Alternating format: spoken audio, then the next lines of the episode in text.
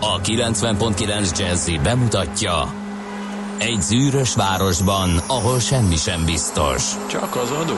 Mondom semmi ahol a kisbefektetőket senki sem védi meg a tőzsdei kilengésektől, és a sikátorokban leselkedik a kíméletlen hozamgyilkos. Csak négy férfi múlik a közbiztonsága. Hadnagy urak, merre vannak? A mindenre elszánt és korrumpálhatatlan alakulat vigyáz a rendre minden reggel. Ezek az állati nyomozók? Négy férfi egyeset és egy nyalóka. Ács Gábor, Gede Balázs, Kántor Endre és Mihálovics András. Az íróasztal mögül pedig Profit kapitány diktálja a tempót. Humor, emberi sorsok, közönséges bűnözők és pénz, pénz, pénz. Egy különleges ügyosztály. A Gazdasági Muppet Show minden hétköznap reggel a 90.9 Jazzin. De is figyelj, ne csak a bárányok hallgassanak. De miért? Ha nincs pénzed azért, ha megvan, akkor pedig azért. Millás reggeli. Szólunk és védünk. Jó reggelt kívánunk, drága hallgató közönség, 6 óra 30 perc, van már 31. 2019. május másodikát írjuk, és hát a nap SMS az tegnap érkezett. 7 óra 33-kor kapott észbe a hallgató, hogy ma nincs millás. Úgyhogy Nem volt. nem volt valóban, millás, igen. Valóban. Mind, nagyon helyesen rávilágított a hallgató erre. Higgyük azt, hogy kitartóan várt ránk, és Igen. 6.45-től 7.30-ig oda szegezte a fülét a rádiókészülékhez, és akkor írta ezt az SMS-t valóban. Hétfőn, hétfőként settenkedő jó reggelt kívánok. Vágjunk bele kartársak, borgás nélkül egy-kettő, írja Sanders. Ez is szépségdíjas. Ma van Ponori Törek Aulér születésnapja, én csak egyet kérek, mondjátok ki a nevét. Török, csak ugye ilyen nagyon sok dupla vével és elvel írja a nevét. A ünnepelt. Jó reggelt, Csepel és Gödöllő között kellemes hajnali madárcsicsergés, sehol egy nyuszi, írja a szerelmes futár, és itt van természetesen D. Kartárs is, aki e, kis optimista jó reggelt kíván. Majd ha a gépem is meg akarja nyitni az ő üzenetét, akkor minden nagyon szép, minden nagyon jó, és lesz, és mindennel meg leszek elégedve, de ez egyelőre nem történik meg. Na, Mi nézzük. Volt, mi volt ez a három perces értelmetlenség folyam, amit itt a műsor előtt folytattál? Semmi, semmi filmkritikai tevékenység volt, úgyhogy... Egy szót se. Nem baj, mert te nem ebben a valóságban mozogsz, nem értheted azt, hogy azok a hétköznapi halandók, akik akár 15.555 forintot is hajlandók fizetni egy fapados repülőjegyért, milyen Ne TV keverjük sorozatokat ide, ne De ez ide. a, Mi- miről mindennek a szó? lenyomata, Miről? alfája és omegája. Semmi köze a, a repülési szokások és a médiafogyasztási. nagyon vagy sokat elmond. ha jól sejtem. Nagyon sokat elmond a Trónok arca legutóbbi eh, epizódját értékeltük technikus kollégámmal. Eh, elsősorban hadászati szempontból, Ja, értem. Uh-huh. amihez te nem érteztem. Mindegy, eh, mert ha értenél, akkor beletetted volna mai adásmenetbe, hogy a gorlicei áttörésnek van ma az évfordulója, de mindegy, ezt Te ezt hagyjuk. Nem, kitalálni, úgyhogy parancsolj. nem, nem, nem. Először is május másodika van, köszöntjük a Zsigmond névre hallgatók, kedves, drága hallgatóinkat, és május másodikáról azt kell tudni, hogy, hogy ma 44 éves David Beckham, illetve 116 éve dr. Benjamin Spock, a, az a Spock, a gyermeknevelős. Hát hogyne. Nevelős, könyvetírós. Igen, nagyon vastag könyv. Azt Könyvéből szerintem generá- azóta bővítik. generációk nőttek Igen, de azóta bővítik folyamatosan a Dr. Spock féle gyermeknevelős és ö, könyvet, mert, mert nekünk is van egy példány, és elég vaskos. És ö, hát 73 éves David Suchet, úgy kell mondani? Suchet? Talán. Fogalmam sincs. Poirot megformálója ő, Egyik. egyik, hanem a legsikeresebb, aki magyar tévécsatornákon mindig felbukkan az a verziója Igen, a Poirónak, igen, ugye? igen. És eh, hát Kántor Endre ide rittyentette nekem, hogy mondjuk el mindenképpen a következő kis történetet az úriemberről. Érdekesség, hogy 1985-ben szerepelt már Poirot történetben, mikor az akkor készült 13-an vacsorára című filmben játszotta Jap felügyelőt, Poirot pedig Péter Ustinov alakította. Ezt a szerepét Sushi, ha jól ejtem a nevét, élete legrosszabbjának tartotta, de Péter Ustinov már akkor is megjegyezte, hogy jól áll a neki Poirot szerepe, és hát a proféta szóla ezek szerint Péter Ustinovból, e, és hát ő lett akkor Poirot megformálója, és egy nagyon-nagyon kerek évforduló is van ma, amiről mindenképpen meg kell emlékeznünk. 500 éve van kereken annak, hogy elhunyt Leonardo da Vinci, aki egyesek szerint időutazó volt, és azért tudott ilyen nagyon jó De dolgokat alkotni. Az mit jelent? Hát, hogy visszament és ott ragadt. Egy modern ember volt, és visszament, ott, ott ragadt, értsd meg. Hát most még ezt honnan? Ja, ért. És a végén leesett a lapos föld szélén is? Vagy nem, vagy? nem, hát most én ennél többet már nem tudok elmondani, hogyha nem tudod, akkor nem tudod. Hát ezek nekem úgy annyira nem. Igen. Nem, nem, nem tudom őket értelmezni, ezeket a a születéskori teljes neve egyébként Leonardo di Ser Piero da Vinci volt, ami azt jelenti, hogy Leonardo Ser Piero, fia Vinciből. Uh-huh. Micsoda név, mi? Egyébként a Vinci melletti faluban született, Toszkánában egy nótárius és egy paraszlány törvénytelen gyermekeként. És innen szép nyerni, és sikerült is. Ugye igazi polihisztor volt, Sorolom, miket tudott. Festő volt, tudós volt, matematikus, hadmérnök, feltaláló, anatómus, szobrász, építész, zeneszerző, költő és író is. Aki ezt nem tudta volna. Hát, ez olyan szimpatikus neked. Igen, nagyon-nagyon. próbálkozni. No kérem, mit lehet még tudni a mai napról? Hát nekem életem értelmének is ma van a születésnapja, hogy engedtessék meg, hogy e helyről is nagyon sok boldogságot és jó egészséget, és mit szoktak ilyenkor kívánni? A többit majd. Mit kaptál volna, ha ez kimarad?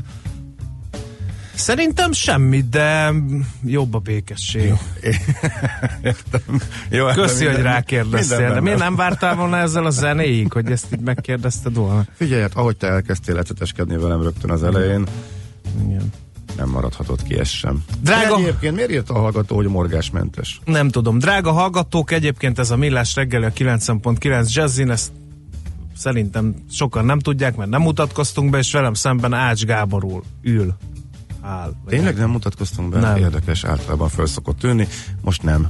Mihálovics András um, sara volt mindez eddig. De 0 30 20 10 9 0 9 ez az SMS, WhatsApp és Viber számunk, ez sem hangzott el egyébként. Ahó, még egy Game of Thrones rajongó örülök, lehetne egy kis elemzés pénzügyi gazdasági vonalna sorozatról, Vasbank, stb. Na ezen én is gondolkodtam. Hát meg kéne várni a végét, nem? Vagy Igen. Már így a utolsó évad közepén is érdemes? Mert gondolom végső eredményt azt majd Nem, mert lehet. a Vasbank nagyon durván belenyúl a Westeroszi folyamatokba időről időre. Mindenkinek hitelez, mindenki le van neki kötelezve, és még saját hadserege is van, ami most úgy tűnik, hogy az egyetlen. De nem akarok spoilerezni, mert mindjárt elevenen elküldenek Westerosba adott rakiakhoz. Na most te hanyadik részt nézted meg? Vagy hány, hát most az utolsó évad megy, Gábor, nehéz lenne ezt most így. Én tudom, de hogy hányat sikerült előre levadászni? Én nem vadáztam le egyet se, én jogkövető állampolgár vagyok, nagyon várom mindig, hogy Hát hogy közzé amit... tegyék legálisan, és előfizetésért vásárolt tévécsatornámon megnézhessem. Oké, oké, tehát még vannak, még vannak ilyenek is, tök jó. Na, köszönöm. Hát nem szálltál be abba a versenybe, hogy hányat tudunk minél hamarabb megszerezni belőle. Uh-huh. Igen. Jó. Na, uh, mi kell még ide? Uh, ja igen, hogy uh, nem tudta Fergábor, hogy ezt így ejtik. A ponori török aurélt. Én meg hallottam róla, mert így van írva, hogy T-H-E-W-R-E-W-K a török. Uh-huh. És sikerült abszolválnom, nem is hittem volna. Aztán eh, mi van még itt üzenő falunkon, ahova lehet bármifélét uh, írni. azt már mondtam az elérhetőséget, most akkor már te morogni szeretnél, mikor közben csütörtök van? Ennél nagyon-nagyon rövidet csak, tehát, illetve ismét csak felhívnám a figyelmet az index, illetve az irányjelzőnek a megfelelő használatára. Teljesen amely, szélmalom harcot amely, vívsz ezzel hát, kapcsolatban. Nem tudom, hogy ki kívánkozik. Tehát nem arra szolgál, hogy miután megkezdtük a kanyarodást, akkor megmutassuk, hogy mi valóban abba az irányba kanyarodunk, ami már úgy is látszik, hanem ennek a műveletnek az előrejelzésére úgynevezett figyelemfelhívás a többi közlekedő számára, hogy mi fog a közeli jövőben, tehát nem már létező megkezdett folyamatnak az illusztrálására, hanem az előrejelzésére lehetne jó használni, és sokat segítene e, többek között az én idegrendszeremen is. Ennyi, lezártam. Hát akkor Maestro Music.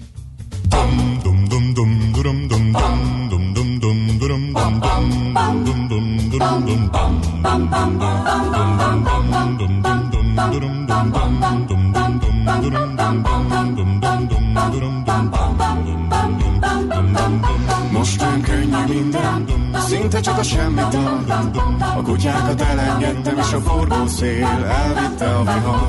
Alattunk a tenger, szemben a napszahar.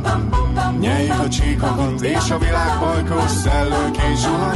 Ékozló angyal a magasban, de fenn nincs baj, nincs haragban, senkivel.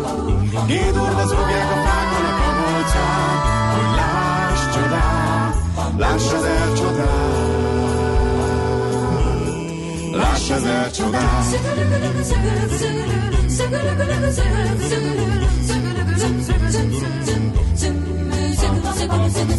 Éhes pupillákkal vállamra öldögül. Balla lepöckölön az élet jobb hiány Egyedül autó egy szerpentinen Meg ki tudja merre tart. Kócos kis romantika Tejfogával a szívembe van. Tékozló angyal a magasban Böffen nincs baj, nincs haragban. Senkivel Hírulva zúgják a fákon a kabolcán Hogy láss csodát Láss ezer csodát Láss ezer csodát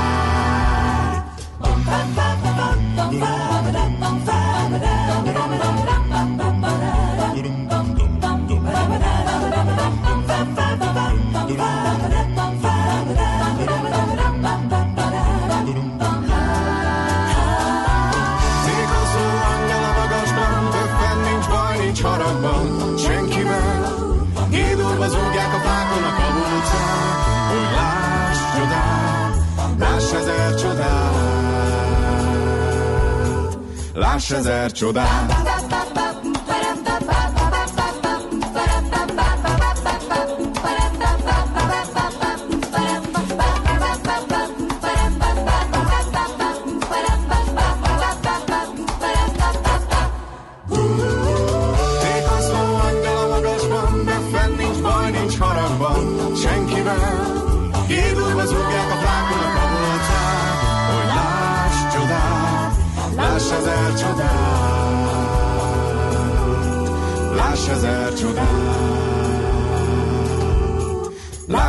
Ezer csodát!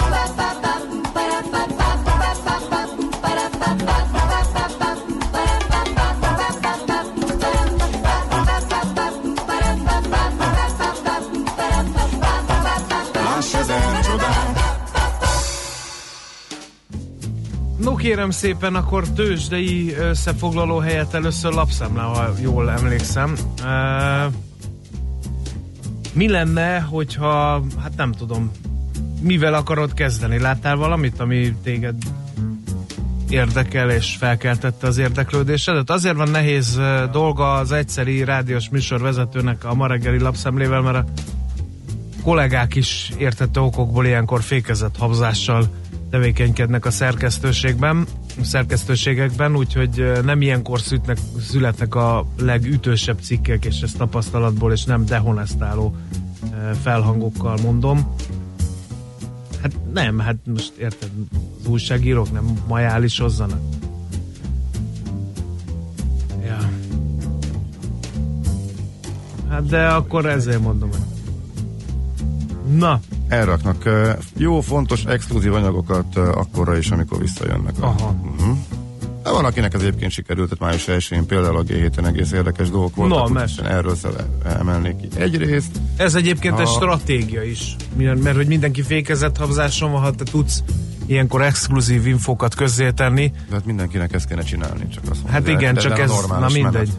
Menet. De nyilván. Na, nem akarom, ne ezzel vegyük el a lapszemrére szánt időt. Tessék. Ha valaki a, a magyar-kínai megállapodás sok hátterét és szeretné is megismerni, jobban megismerni, eh, azoknak eh, volt valamikor tegnap szerintem, nem tudom, este felé olvasgattam eh, egy eh, cikk, eh, de ez egy nagyobb globális megalapodás, és a kínaiak nagy rongyrázás keretében jelentették be. Próbálják elkerülni a korábbi uh, buktatókat, ugye a korábbi ilyen nagy projekteknél azért voltak ilyenek, amikor például Sri Lankába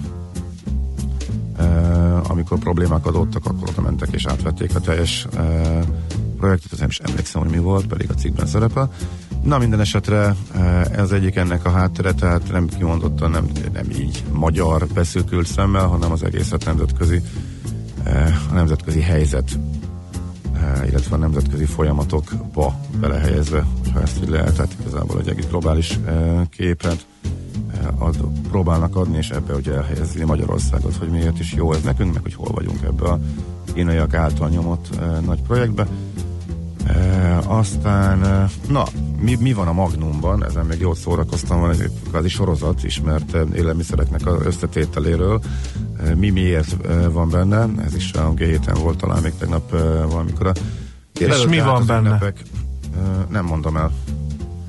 Megdöbbentél? Hát az, ugye az emulgáló szerektől elkezdve az EK-nek a nagy része, hogy az et ne mire- ostorozzuk, mire mert a sónak is van elszáma, és ez még nem feltétlenül baj. Ki ostorozta? Hát, mert azt mondtad, hogy e, és ez ilyen Én nem mondom. Én semmi ostorozás nem volt a szavaimban. Az EK-ről is elmagyarázza, hogy melyik, micsoda. Ami azért az érdekes, hogy a gyártó cég, a nagy multi gyártó cégnek a megkeresésével és közreműködésével készül, de még így is egy pár dolgot nem lehetett eh, kideríteni, de hát minden ilyen ismert nagy márkánál van egy olyan, ezt talán próbálják is eh, kelteni, hogy eh, hát ez annyira titkos, ez annyira jó, ez annyira szenzációs, hogy mindent nem mondhatunk el, mert hát ugye a recept, ó, hát az itt is eljátszották ezt a dolgot, de azért elég jól össze rakni, hogy mi miért van benne ebben a termékben és az ismert jégkrémben, tehát magnum összetétel. Ha valakit érdekel, jól lebontva a legapróbb eh, részekre, eh, nagyjából a lényeg az, hogy eh, az minden az, hogy szép legyen, egy csomó minden amiatt van benne, hogy az állaga jó legyen, hogy a jégkristályok ne, képzé, ne képződjenek benne, hogy kellemes legyen a, az érzékelő szerveidnek, eh, tehát eh, igazából egy, a két, két alapvető alapanyagon kívül tej és a tejsavó, azon kívül minden más csak finom hangolás, ami ezt a célt szolgálja, hogy jól nézzen ki, meg hogy kellemes legyen az íze, meg az ízlelése. Nagyjából ennyi, de hogy pontosan mik és hogyan, egy részletes cikk van. Erről is hamarosan a kasszákhoz járulhatnak a tőzsdei befektetők, ezt a világgazdaság vezetőanyagából tudhatjuk meg, ami nem más, mint egy osztalékfizetéses összefoglaló. Mármint a budapesti tőzsdéről. Hát mást én se találok. Jó, hát akkor Mert a köszönöm. többi napilap Köszönöm címlapját szépen, világ és belpolitikai események uralják, úgyhogy Akkor köszönöm venezuelai szépen, hogy- válságtól, meg hogy a magyar miniszterelnök a Donald Trumphoz készül, meg ilyenek a vezetők, ezek meg nem a mi asztalunknak számító cikkek, úgyhogy Na, hát- túl is lendültünk észrevétlenül a lapszemlén. Akkor ezt a maszkurát csak neked küldöm.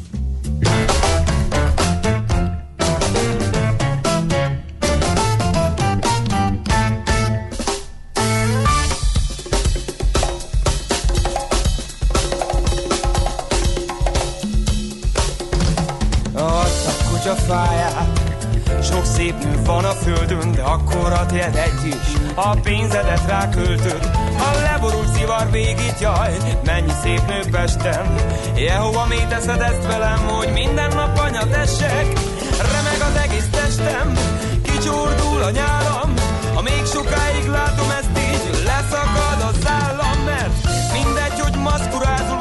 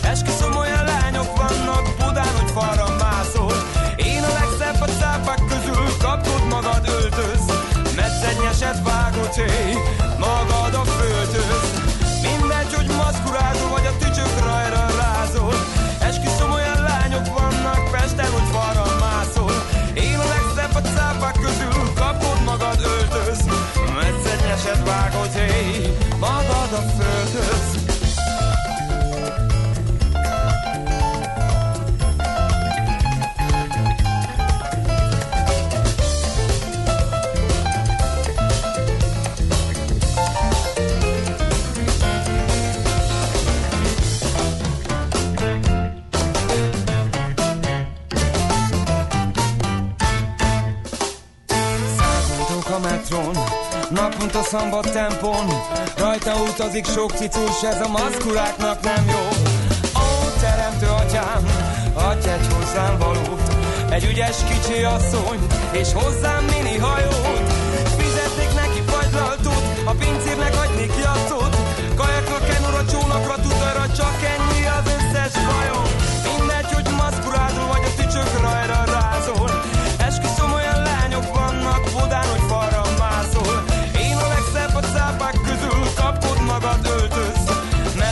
Metszegyeset vágott, hé, magad a földhöz, mert mindegy, hogy maszkurázol, vagy a tücsök rajra rázol.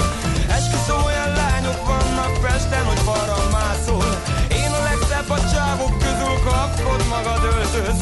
Agyszegnyeset vágott, hé, magad a földhöz.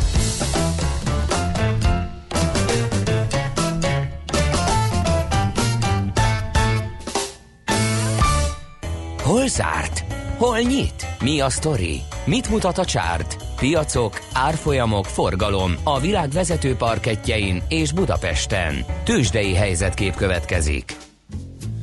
No, hát nézzük, hogy a legutóbbi kereskedési napon mit csinált. A Bux 42.520 ponton fejezte be a kereskedést, és akkor a, vegy, a papírok, amelyek a legnagyobb forgalmak vegyesen zártak, egész jó napja volt a Richternek. 5715 forinton fejezte be a kereskedést, ami 1,8%-os plusz, és emelkedett az OTP is, igaz csak kicsikét, 2%-ot, 12.800 forinton zárt. Volt nagy esés a Molnál majdnem 1 százalék, 3316 forintos záróértékkel, a Telekom pedig 7 százalékot, 7 tized százalékot veszített az értékéből, nem kell megijedni, még egyszer 7 tized, nem 7 százalékot, és 455 forinton zárt. Nézem a kis és közepes papírok piacát, markáns mozgás mondjuk volt a Graphisoft partnál, sajnos nem jó irányba, 1,6%-os volt a mínusz, meg Cikk Pannonia is esett 1,2%-ot, a Rába 1,7%-ot, az Appenin 1,3%-ot, szóval az alsóházban nem volt jó a hangulat, bár azért mondjuk a Panergy 1,2%-os, vagy a BIF 4,1%-os plusz a némi szépség flastromot azért jelentett. Mi volt külföldön? Nagy levegővétel mellett kezdek bele mindig az amerikai történésekbe, mert hogy a történelmi csúcson áll a piac, és innen ugye azért unalmas, mert, mert hogy innen nagyot ugrani fölfele már nem tud, viszont semmi okuk sincs a befektetőknek, legalábbis ők ezt úgy érzik, hogy eh, beleadjanak és eljön egy korrekció. Hát tegnap erre találtak egy kisebb lehetőséget, annak ellenére, hogy még a nap elején megvolt az újabb történelmi csúcs, és eh, viszonylag jó volt a hangulat. Azt követően, hogy az Apple gyors jelentés, amitől sokan féltek, az kiváló volt, úgyhogy innentől kezdve még tudott egy picit emelkedni, és újabb csúcsokra eh, kimenni a történet. Az előző eh, este érkezett tehát ez a jelentés.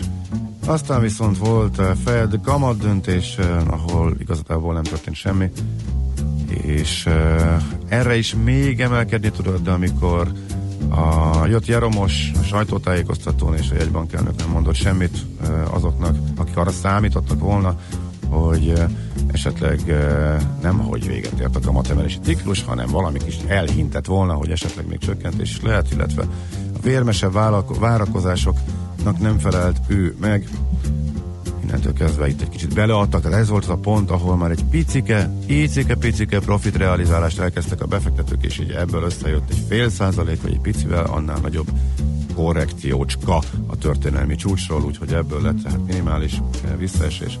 Nagyjából ennyit lehet tehát akkor elmondani. Így már szegény nasdaq az idei emelkedése, idei nyeresége már csak, már csak 21,3 százalék, és az S&P befektető is már csak a tegnapi nap után nem 17, hanem csak 16,6% nyereségben vannak. Ez volt tehát a korrekciónak a krónikája. Tőzsdei helyzetkép hangzott el a Millás reggeliben. No kérem szépen, hú, még most mi lenne, hogyha ilyen korán kezdenénk a híreket? Szóler Randi itt van. Nekem mondani valóm nincsen. Furcsa helyzet, de tényleg előállhat ilyen is. Akkor most nyomjuk. Az Ács nem volt inspiráló reggel. Úgyhogy szerintem nyomjuk Nem, el a híre. nem, Elég nem. sok dolgunk is van, még azt is Az így szem előtt kell tartani. tele lesz a műsor, eh, és most kőkeményen tartani fogjuk az időket, de most van kettő percre a csatádra, hogyha van kedved. Nincs. most megkipulsz alóla, mi? Figyelj, egy gorlicei áttörést kettő percben, az csak szakbarbárok kezdenek neki, úgyhogy mire a stratégiai, taktikai helyzetet ismertetné, már eltell a két perc, és még mindig nem értenétek semmit az egészből. Te és a Czoller. Én biztos, hogy nem. De hidd el, népszerű történelem, hidd. Lefordítsam ezt magyarra? Nem kell, érted? Olyan régen beszéltem Ja. róla, hogy már fogalmam nincs, mi történt Ja, akkor. értelek.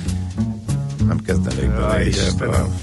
a-. Nem, máshol nem néztem nem utána, én már nem is emlékszem. Hát talán még arra, hogy ott ki álltak egymásra. szemben, Nem úgyhogy egyéb megyek ez. Ez szócséplésnél, úgyhogy jöjjenek a hírek Czoller Anditól. A reggeli rohanásban könnyű szemtől szembe kerülni egy túl szépnek tűnő ajánlattal. Az eredmény krétával körberajzolt tetemes összeg. A tethelyen a gazdasági helyszínelők, a ravasz, az agy és két füles csésze és fejvállalakzat. A lehetetlen küldetés megfejteni a Fibonacci kódot. A jutalom egy bögre rossz kávé és egy olyan hozamgörbe, amilyet még Alonso Mosley sem látott. Millás reggeli, a 90.9 Jazzy Rádió gazdasági mapetsója. Vigyázat! Van rá engedélyünk! Támogatónk az Átrádiusz Magyarország, a követelésbiztosítás szakértője, hogy az öncégét mindig kifizessék. 7 óra 8 percen jó reggelt kívánunk, folytatódik a Millás reggel itt a 90.9 Jazzy Rádión, most bemutatkozunk, Ács Gábor az egyik műsorvezető. És Mihálovics András a másik, természetesen. A 0 30 20 10 9 0 9 ez az SMS és a WhatsApp számunk jött egy ilyen üzenet Petyától, Budafoki Petyától, hogy Maci for President, nem értem. Ezt hogy miért sokszor volt ilyen, de hogy most éppen miért ezt már nem tudom követni. Lehet egyébként közlekedési információkkal tömni bennünket 0 30 20 10 909 és a napi smúz rovatunk is. Mindig nyitva áll előttetek, fel lehet tölteni tartalommal, ha valakit meg akartok dicsérni valamilyen okból kifolyólag, nem minket, mert nem tartanánk fenn magunknak ezt a lehetőséget, bárkit, ha valaki ismeretlen vagy ismerős embertársa cselekedete hálával tölt el, az nyugodtan a 0 30 20 10 909 re megírhatja SMS-en, Whatsappon vagy Viberen, akár nem mondhatjátok, hogy nem válogattok. Na, jöjjön az a bizonyos rovat. Budapest, Budapest, te csodás! Hírek, információk, érdekességek, események Budapestről és környékéről. Le Mariatta van a vonal túlsó végén, a járókelő.hu alapítója, és apró budapesti bosszúságokról beszéljünk. Nem is tudom, hogy honnan kezdjük el. Ács kollega talán pallérozottabb ebben a vonatpótlás tesztre, azért tennék egy nagyobb összeget, hogy ez érdekli őt legjobban. Ez érdekel, de erről majd szerintem máskor. Először sétáljunk a városban. Szia Maria, te jó reggelt! Jó reggelt, sziasztok! Én azt néztem, hogy ilyen szokatlanul sok ilyen járdával kapcsolatos, meg egyáltalán ilyen, hogy hogy férek el, hogy nem férek el, meg a járda minősége, meg a lezárások nem értek, ilyen, ilyenek érkeztek az elmúlt hetekben. Ez van tendencia, vagy pedig ez most csak így, csak, csak egy véletlen, hogy látjátok?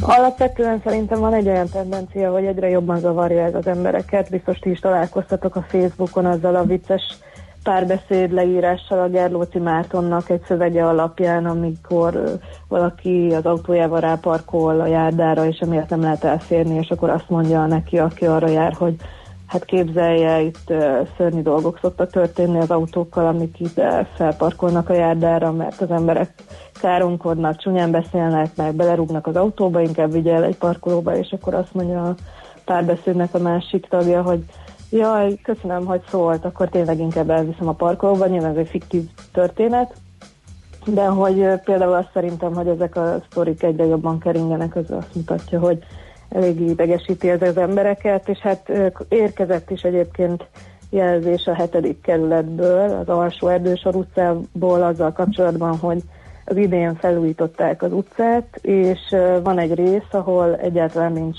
járda, hanem ott végig autók állnak, és a önkormányzat azt válaszolta, hogy itt nincs, nem is volt, és nem is lesz járda. Ez egy ilyen 25 méteres szakasz, amiről beszélünk. Aha.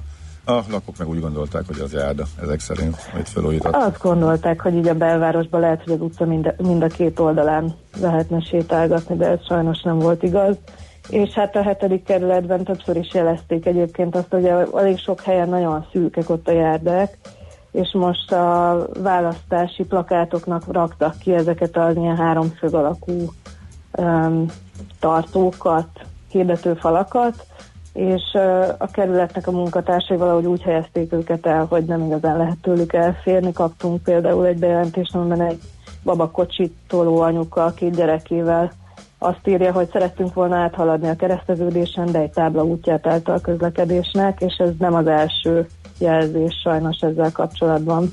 Uh-huh. Akkor van egy zebra lezárás is, ugye? Ami, uh, Aha, így van, így van. A Bencúr utcánál lezárták a zebrát a Városliget irányába. Itt is azt hiányolják a gyalog közlekedők, hogy egyrészt nincsen jelezve, hogy merre lehetne alternatív módon haladni, másrészt meg ez egy elég forgalmasan kihasznált zebra, úgyhogy elég uh, Andor nevű felhasználónk elég abszurdnak tartja, hogy ezt így zárták le. Hm. És a, azt de tudni, hogy lehetett volna, vagy, vagy itt lehetett volna alternatívát? Ilyenkor a bejelentők általában ilyet is mondanak, vagy, vagy, vagy a, oldják meg? Itt nem látok alternatívát, nagyon sok olyan típusú bejelentés van, aminél az a fő hiba, hogy a járdának, a zebrának, a kerékpárútnak a megszűnését nem jelzik előre azok, akik a felújítást végzik, tehát nincsen kitáblázva, hogy egyrészt meg fog szűnni a járda, hanem csak úgy belebotlasz ebbe a szituációba, másrészt meg nincsen kiírva, hogy hol van mondjuk a legközelebbi zebra, vagy át van a helyezve esetleg a busz megálló, amiatt, hogy nem lehet elérni könnyen uh, arról a szakaszról az eredeti helyén, ezek sajnos még hiányoznak. Én látom, hogy más civil szervezetek is próbálnak azért kampányolni, hogy legyen megfelelő a tájékoztatás, illetve ne csak a, az autóforgalomnak, hanem mondjuk a gyalogos és kerékpáros forgalomnak is legyen kialakítva alternatív útvonal. Uh-huh. Az, hogy elég sok, vagy hogy növekszik folyamatosan a parkolásos, meg a lezárásos, meg a járdán parkolásos bejelentések száma, ez egész egyszerűen a növekvő forgalom, meg a jobb dugók egyre keményebb, vagy egyre jobban érezhető parkolási nehézségek számlájára írható szerinted? Ö, részben igen, részben azt gondolom, ez látszik akár a bejelentéseinken is, hogy ö, nagyon szeretnének az emberek a belvárosban az utcán parkolni, és ez egyre kevésbé lehetséges. Tehát a két tendencia az egy, összefügg egymással, tehát az nagyon nagy a forgalom, meg nagyon sokan szeretnének parkolni, mindeközben azért azt látni kell, hogy nem lehet folyamatosan ennyi autónak a belvárosban az utcán parkolnia, tehát el kell kezdeni használni a parkolóházakat, ilyen egyesített parkolóhelyeket, amik az üres telkeken vannak. Ez szerintem mind a két félnek egy ilyen szemléletváltás kell, hogy legyen, tehát az önkormányzatoknak jobban figyelni arra, hogy hogyan lehet kényelmesen megoldani az autós parkolást, és hát az autósoknak is feladni azt, hogy a ház előtt vagy a bolt előtt álljak meg, hanem sétáljak egy kicsit, ami egyébként egészséges is. Uh-huh. Olvastam azt a bejelentést, hogy hallgató arról írt, hogy fülsértő a hangja felújított villamosoknak, az új, tehát felújított Tátra villamosoknak. Nekem soha nem volt ilyen problémám, és azon gondolkodtam el, hogy ez végül is egy egyéni probléma, mert hogy neki van valami, hogy is, mi is volt, valamilyen túlha, túlhallásos betegként írja ez, viszont azt is írta, hogy ez másoknak is probléma. Nem vettem jó magam észre például a különbséget a felújított meg a nem felújított, és azt gondolom, hogy a felújított villamosok mondjuk éppen, hogy egy kicsit talán, hogy halkabbak lehetnek. Szóval ez, ez miről szól, vagy hogy ez, ez egyébként is mennyire jellemző, hogy, hogy keveseket érintő probléma, vagy pedig mondjuk egyénhez kapcsolódó problémákat is bejelentenek nektek? Abszolút jeleznek nekünk egyénhez kapcsolódó problémákat is. Itt azt kell tudni a járókelő.hu-ról, hogy milyen mérlegelést nem végezzük el, tehát itt majd a BKK-nak az életékes szakosztályától várunk egy ö, olyan választ, ami, ami, amit a megfelelő szakértők írnak.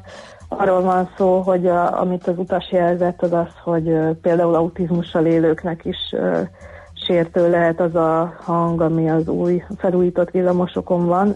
Ezt én személyesen nem tudom, mert nem jártam velük mostanában, de ő elég részletesen leírta, hogy hogy néz ez ki, milyen hatásokat vált ki, illetve azt is leírta, hogy vannak olyan országok, ahol például a kasszáknak a csipogását, illetve villogását vették halkabra, csökkentették le, pont azért, hogy akit ez érzékenyebben érint, az ne kapjon ott rögtön rohamot. Uh-huh.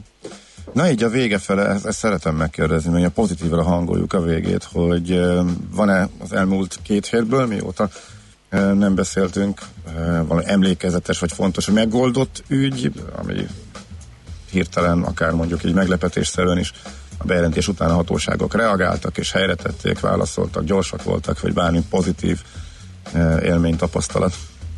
Uh-huh. A 11. kerületben van egy sídomb nevű rész, ahol sajnos szokásos módon illegális szemétlerakást jeleztek nekünk nagyon sok fotóval, és hát nagyon sok szeméttel, és kiderült, hogy ez egy új budai önkormányzati tulajdon, és az is kiderült, hogy valaki elmozgatta a lezárásra szolgáló ö, sziklákat, és ez az önkormányzatot is teljes meglepetésként érte, úgyhogy egyrészt megrendelték a takarítást, másrészt pedig a területnek a lezárását is le fogják, vissza fogják állítani, úgyhogy ez egy tök fontos dolog, hogy ti is, hogyha láttok olyan uh-huh. közterületi problémát, ami Budapesten van, akkor érdemes jelezni, mert az önkormányzatokban nagyon sokszor elmondják nekünk, hogy ők nem tudnak minden sarkon ott állni. Ha van szemét, kátyú valahol, akkor érdemes feltölteni a járókelő.hu-ra. Uh-huh. Oké, okay. na legyen így, és akkor mi is elhívtuk fel ismét a figyelmet. Nagyon szépen köszönjük, hogy itt Én voltál köszönöm. ismét, és akkor két hét múlva újra átfutjuk, hogy milyen apró cseprő ügyeink vannak, illetve miket lehet megoldani a segítségetekkel. Köszönjük, szép napot! Nektek is, sziasztok! Szia, szia, jó munkát! No hát, eh, Lé Marietta volt tehát a vendégünk, a járókelő.hu alapítója, úgyhogy nekünk is írhatok ilyeneket, jött, de hát jött, a legjobb, jött ilyen. Pont a hetedik kerületben bilincselték le az automat, mert rajta volt a vonalon az egyik kerék, én erről már nagyon sokszor hallottam, hogy ha ráállsz egy kicsit a vonalra, akkor bilincselnek. A járda így csak másfél méter széles volt írja a hallgató. Aztán miért kell elmenni ilyen emocionális dolgok irányába, mint hogy babakocsi kerekesszékkel közlekedők, miért nem lehet csupán a szabályokat betartani, attól ez még valós dolog, egyáltalán nem vitatom, írja uh, Rédus. Úgyhogy uh, ezek jöttek uh, idáig. Ez nem emocionális dolog szerintem, hogy uh, nekik, uh, akik ha úgy tetszik, valamilyen szinten speciális helyzetben vannak, nekik ez nagyon nagy problémákat okoz. Tehát Kétségtelen, hogy ez nem mindenkinek, de nekik igen. Aztán négy nap wellness után meglepően járható a város. Váci Bajcsi Kiskörút viszonylatban írja a szerszámgazda. Így könnyű. Nekünk a Gellért hegy a Himalája. A millás reggeli fővárossal és környékével foglalkozó robata hangzott el.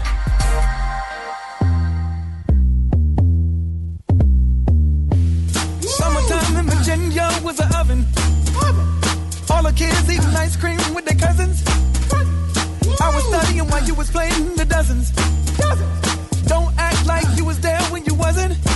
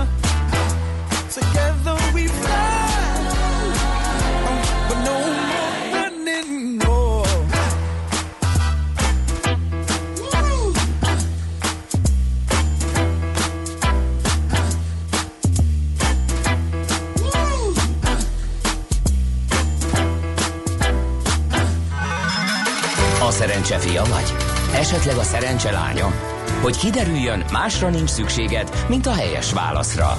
Játék következik. No kérem, szépen akkor helyes megfejtés beküldők között azt nem már tudni, hogy minden nap kisorsolunk egy négy felnőtt részére szóló vagy családi belépőt az Autotech Future rendezvényre a Bárdi autó jó voltából.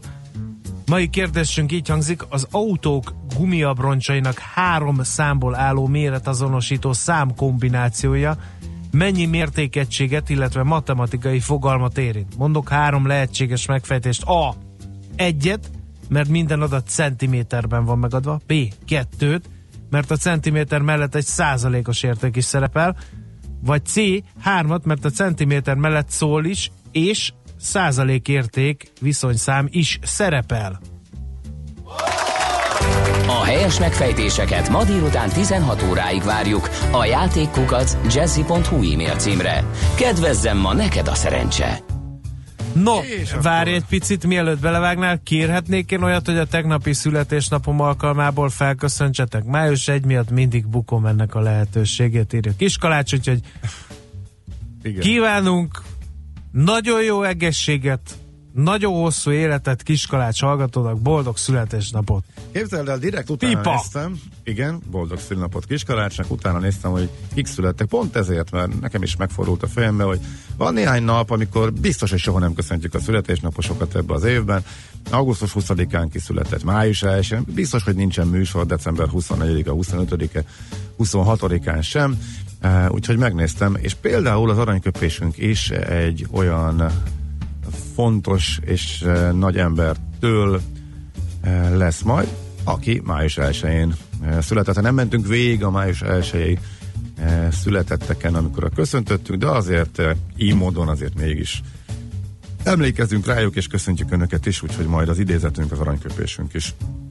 Már nem árulom, hogy kitől, de május 1-én született művész embertől származik, majd mondjuk akkor így. És akkor kicsit kiegészítendő még a, csak nagyon röviden a, a Budapest eh, rovatot. E, nagyon komoly változások lesznek e, a, a Buda környéki agglomerációból a Budapestre bejutást illetően a Budaörs, Budakeszi, Diós, Török Bálint eh, környéken. Eh, Szépen átalakítják a közlekedést. Nagyon régóta vártam ezt, mert már szállingoztak erről eh, hírek.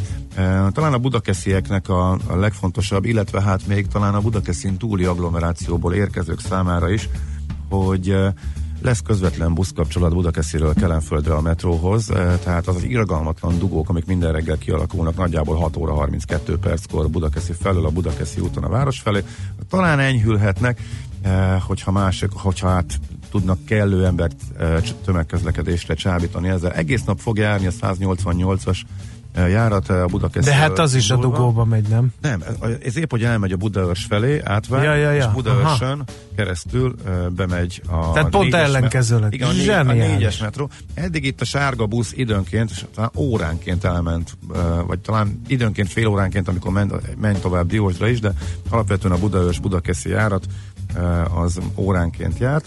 Most akár negyed óránként már csúcsidőben menni fog, sőt lesz ennek egy gyors verziója is, a 188E meghosszabbításával, amely rámegy az autópályára és úgy éri el Kelenföldet, és ehhez kapcsolódóan még Budaörsön, Török Bálinton és Dióston is egy csomó változás van. Korábban mennek rá az express járatok az autópályára, és elég sok minden van. Ez május közepétől fog életbe lépni, tehát érdemes mindenkinek időben tájékozódni erről, aki érintett, vagy aki esetleg csak filózik, hogy eddig nem volt jó a tömegközlekedési kapcsolat, és ezért ült autóba, hát ha ez már segít neki. Uh, Budakeszi felől ugye a város fele iszonyatosan lassú, nagyon durva a haladás, ellenben uh, az autópálya felé talán még ki lehet jönni. Az másik Azért van kérdés- ott az a kereszteződés, ahol pont el kell fordulni Budaörsre, az tud grízes lenni, én is járok arra. Uh, Mármint amikor át, Ami ott van egy átvágsz, ilyen lezárt vasútvonal, és azon kell menni, és ott egy lámpás kereszteződés van, és akkor balra lehet Budaörs felé menni, és az egyes út, így igen, van. Igen, igen, igen. Reggel talán nem annyira durva az sem. Hát, legalábbis ami durva, hogy a honfoglalás sétány buszfordulóhoz onnan befele szokott nagyon bedugulni, és ott a buszok beállnak, ezért a reggel időszakban ezek a buszok nem oda mennek föl, hanem föntről a, a, a Szélkálmán tér föl, hogy érkeznek, végigmennek a főutcán, és úgy indulnak el Budaörs felé.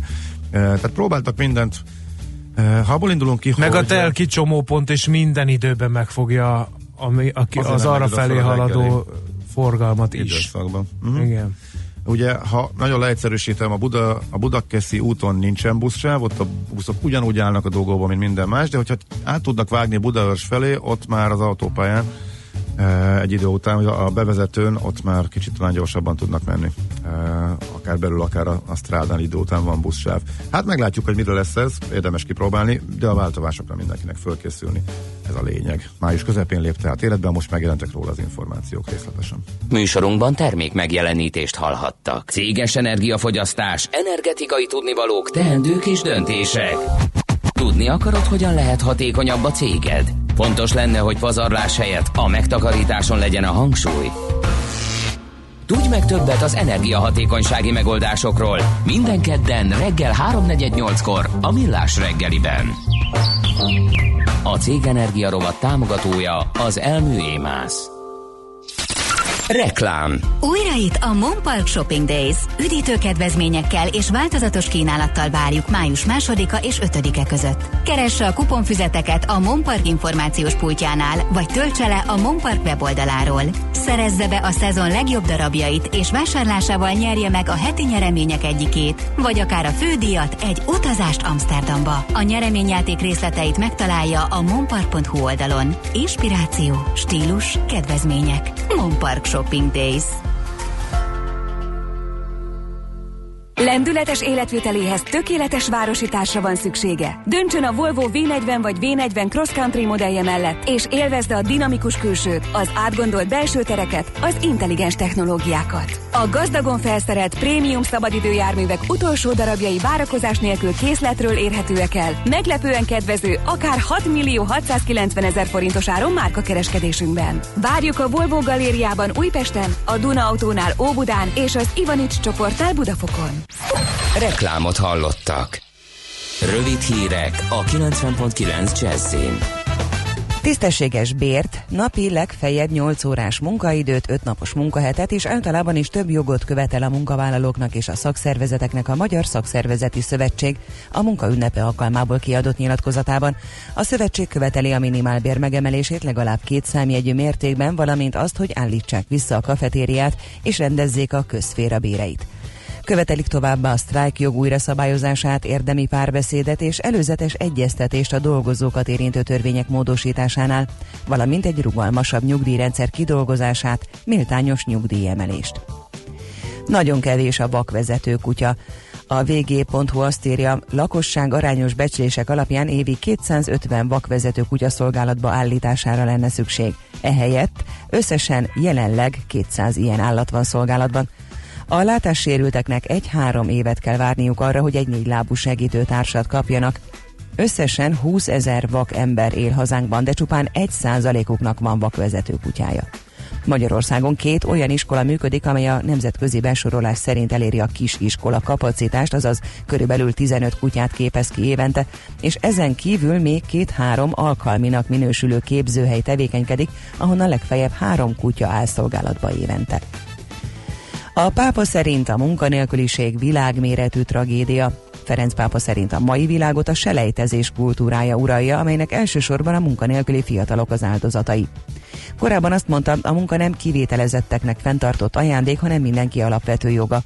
Május 1 katolikus egyházi ünnepnek számít, amelyet 1955 óta munkás Szent Józsefnek szentelnek.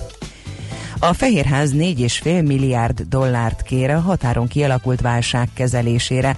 Ebből a pénzből szeretné enyhíteni a Dél-Amerikából nagy számban érkező menedékkérők miatt az amerikai-mexikói határon kialakult állapotokat. Sajtóértesülések szerint a pénzből a kormányzat egyetlen centet sem szán a Donald Trump elnök által kilátásba helyezett fal építésre.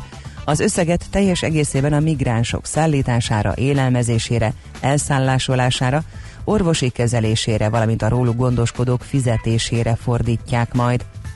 A gomoly felhők mellett mindenütt több órás napsütésre készülhetünk, a keleti és az északi tájakon azonban helyenként zápor is lehet. A szél időnként megélénkül, délután 19-25 fok valószínű.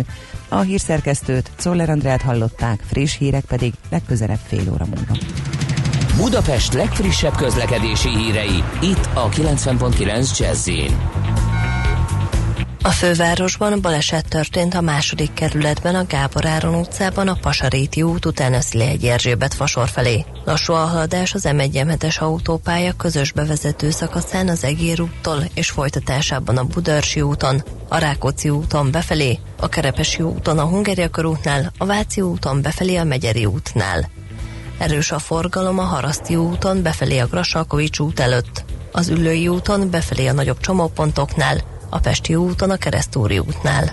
Lezárják ma 9 órától a negyedik kerületben a Nádor utcát, az Erkel Gyula utca és a Deák Ferenc utca között aszfaltozás miatt. A 30-as, a 30 és a 230-as autóbusz módosított útvonalon jár, több megálló kimarad. Szép csillabékeke info. A hírek után már is folytatódik a millás reggeli, itt a 90.9 jazz Következő műsorunkban termék megjelenítést hallhatnak.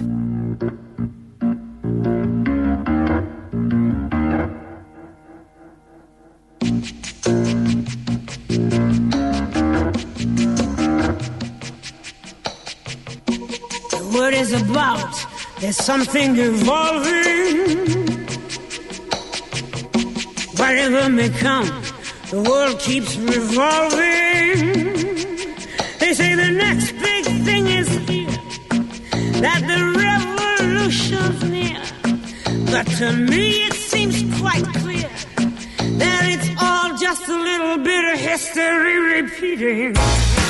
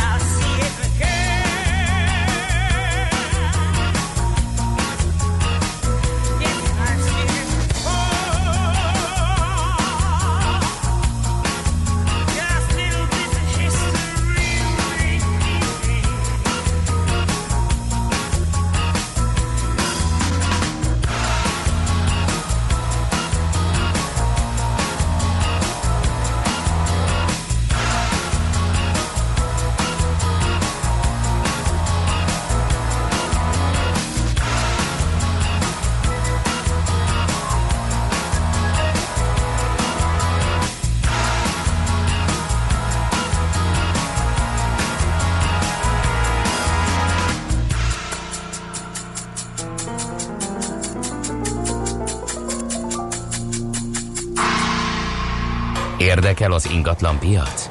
Befektetni szeretnél? Irodát vagy lakást keresel? Építkezel, felújítasz? Vagy energetikai megoldások érdekelnek? Nem tudod még, hogy mindezt miből finanszírozd? Mi segítünk! Hallgassd a négyzetmétert, a millás reggeli ingatlan rovatát. Ingatlan ügyek rálátással. Okos otthonokról lesz most szó a következő percekben, eh, vagyis hát ezen okos otthonoknak egy részéről az mesterséges intelligencián alapuló öntanuló fűtésről. Szarvas Péter lesz a kalauzunk ebben a témában, a Chameleon Smart Home alapító tulajdonosa. Jó reggelt kívánunk! Jó reggelt, üdvözlöm a hallgatókat! Hát először is okos otthon nem utópia ez Magyarországon? Mennyire elterjedt?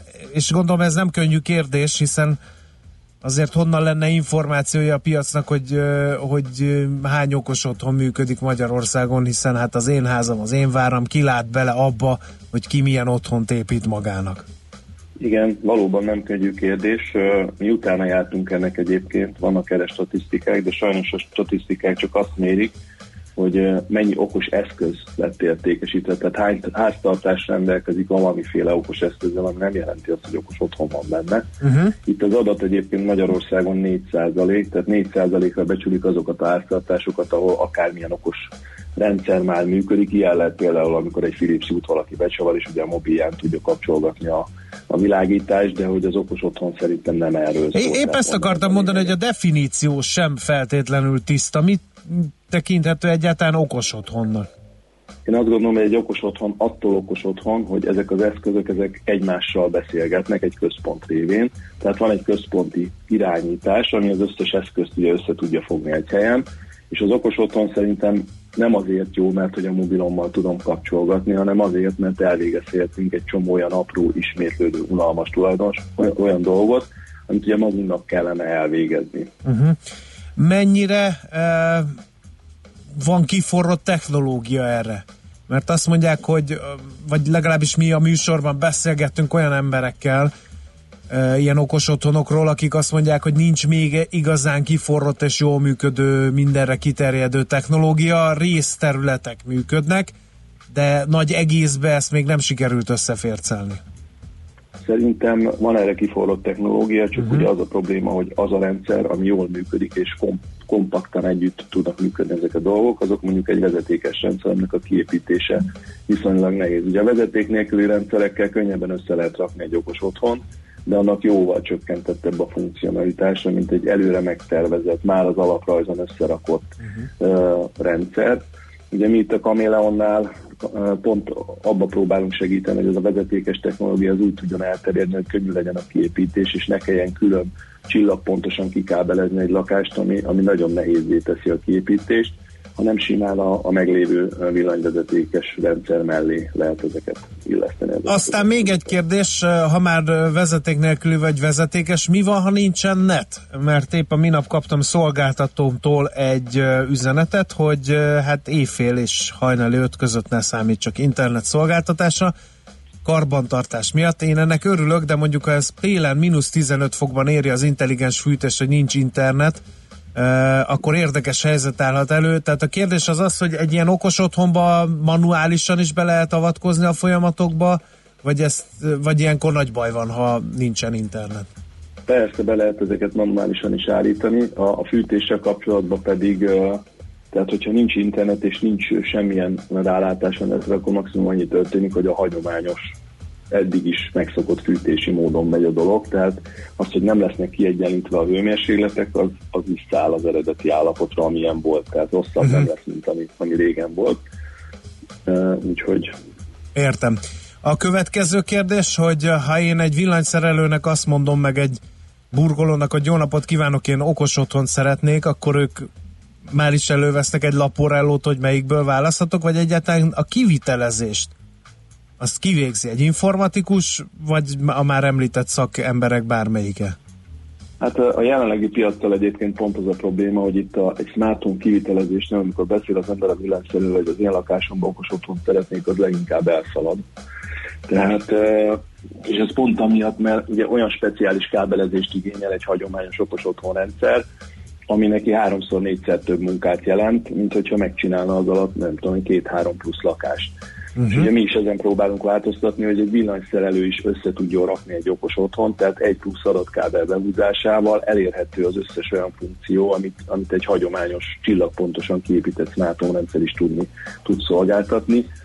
Úgyhogy ez egy, ez egy nagy kihívás, hogy olyan szakembereket uh, hozni erre a piacra, ugye ez egy nagyon-nagyon növekvő piac, ez a smart home piac, de kellenek azok a szakemberek, akik a kiépítést végzik. Uh-huh, és ezekből még egyelőre hiány van, ha jól veszem ki szavaiból.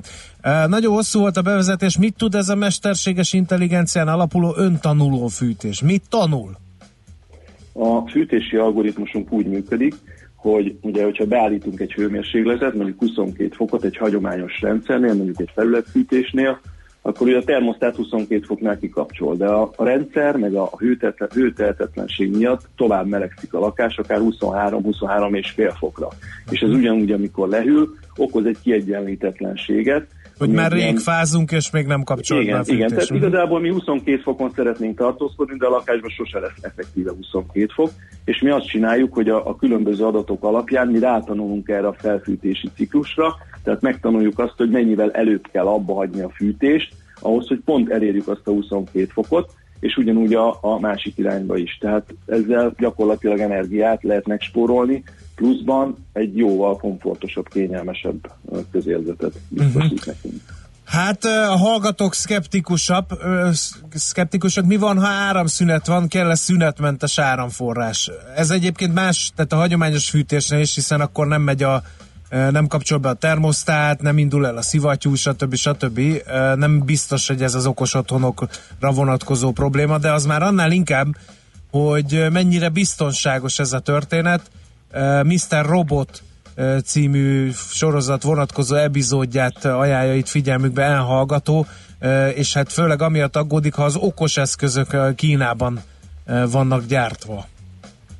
Igen, mi itthon gyártatunk egyébként, ez egy hazai uh-huh. termék. Nem azt gondolom, hogy az eszközök származásra számít, hanem az, hogy ezek hogyan vannak összekapcsolva. Tehát ugye az az eszköz, ami kimegy az internetre, és amin keresztül el tudják érni a házamat, az egy okos otthon vezérlő központ. Ugye mi itt a Kameleonnál pont azt csináljuk, hogy elválasztjuk azt a réteget, ezeket az eszközöket, amit ugye említett, hogy be lehet szerezni sokféle helyről, elválasztjuk az internettől. Tehát lesz, lesz egy zárt, kiépített hálózat, és ahhoz a hálózatról különböző okos otthonrendszerek vezérlőit hozzá lehet kapcsolni. Innentől attól függ a háznak a biztonsága, hogy annak a gyártónak ugye milyen erős a, a biztonsági faktora. Tehát sokkal könnyebben lehet egy házat biztonságosabbá tenni a Kameleonnal, mint egy, mint egy hagyományos rendszerrel. Uh-huh. Uh, nehezet fogok kérdezni, de pontos összeget kérem ne mondjon. Nagyjából, ha csak a fűtést teszem intelligensé, az, uh, az mekkora investíciót igényel, hogy finoman fogalmazzak? A, az okos fűtési algoritmusunk úgy működik, hogy a szolgáltatásként értékesítjük, tehát nem csak a mi rendszerünkben lehet ezt ö, elérni, hanem a már kiépített ö, működő rendszerekben, ami ugye valamilyen szinten kap, kapcsolódhat az internethez. Ilyen például az NGBS-nek a rendszerei, ami, ami nagyon sok helyen elérhető ma már. Ott havi szolgáltatási díjért, pár száz forintért havonta elérhető lesz ez a szolgáltatás. Hogyha valaki szeretné újonnan kiépíteni és okos otthont telepít bele, az is hasonló módon. Tehát itt igazából az okos otthon vagy az okosított fűtésnek a kiépítési költségével kell számolni. Uh-huh. Ami nagyságrendileg most mondok egy, egy adatot arra, hogy mennyire lehet egy okos otthont összerakni, mondjuk egy társasházi Igen. lakás, egy 50 négyzetméteres lakás, de van fűtésvezérlés, világításvezérlés, redőnyvezérlés, van benne biztonságtechnika, ez, ez a mi rendszerünkkel nagyjából egy ilyen 5-600 ezer forintból kihozható. Tehát ennyi Aha. pénzből nem csak a fűtést lehet vezérelni, hanem egy, egy teljes okos otthon funkcionalitást lehet kapni, és nyilván ez, erre már tud működni. Megint csak egy provokatív kérdés, eh, hogy eh, ez pusztán a kényelmi funkciók eh, miatt érdekes ez az okos otthon, vagy, vagy itt azért komoly megtakarítást lehet elérni az energiafelhasználásban például?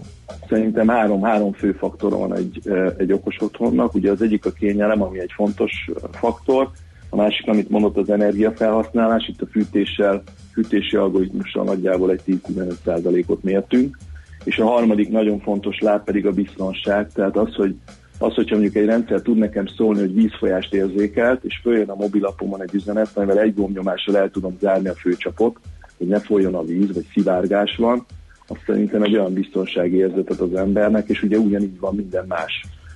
A betöréstől kezdve a tűzfüst, mindent tudunk ugyanúgy érzékelni. Tehát szerintem a biztonsági faktor az, az egy ugyanolyan jelentős tétel. Be tudja csukni a tetőablakokat, hogyha eső van.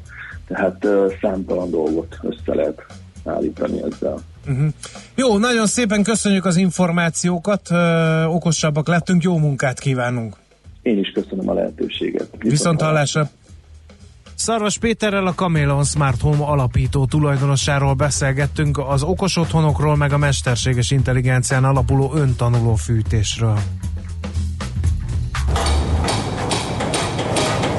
Négyzetméter ingatlan ügyek rálátással. A millás reggeli ingatlan rovata hangzott el.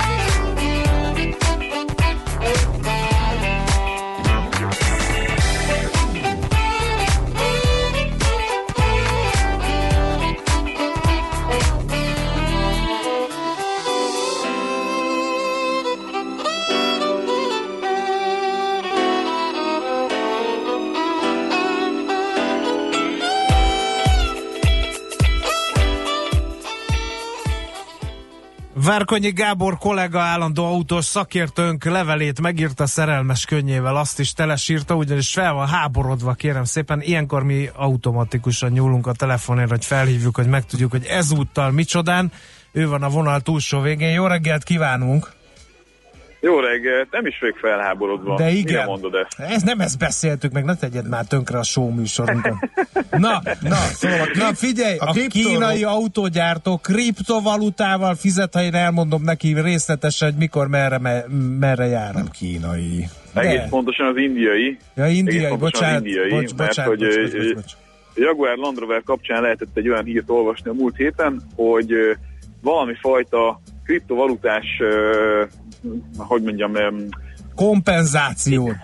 kompen, na ezt a szót kerestem, nagyon Szívesen. szépen köszönöm, szóval kompenzálni akarják azt, hogyha te megosztod az adataidat, a vezetési stílusodat, hogy merre jársz, hogy ott éppen milyenek az utak, hogy van-e valami hiba a térképben a navigációnál, és ezt a, ezt a pénzt, vagy ezt a kriptovalutát, ezt a Jaguar Land Rover autóin keresztül parkolásra, autópálya használatra, meg ehhez hasonlatos dolgokra lehetne majd felhasználni úgy, hogy az a cél, hogy, a, hogy az a cég, amelyikkel összefognak, vagy az a szervezet, amelyik ezt a kriptovalutát előállítja, az egyébként más autógyártóknak is hasonlatos dolgokat tudjon um, szolgáltatni. És igazából az egész hírnek az érdekessége, meg a lényege, az szerintem abban rejlik, hogy ö, fel kell készülnünk arra, hogy ilyen és ehhez hasonlatos ö, módszerekhez mindenféleképpen folyamodnia kell az autógyártóknak abban az esetben, hogyha a nagy tech cégekkel szeretnék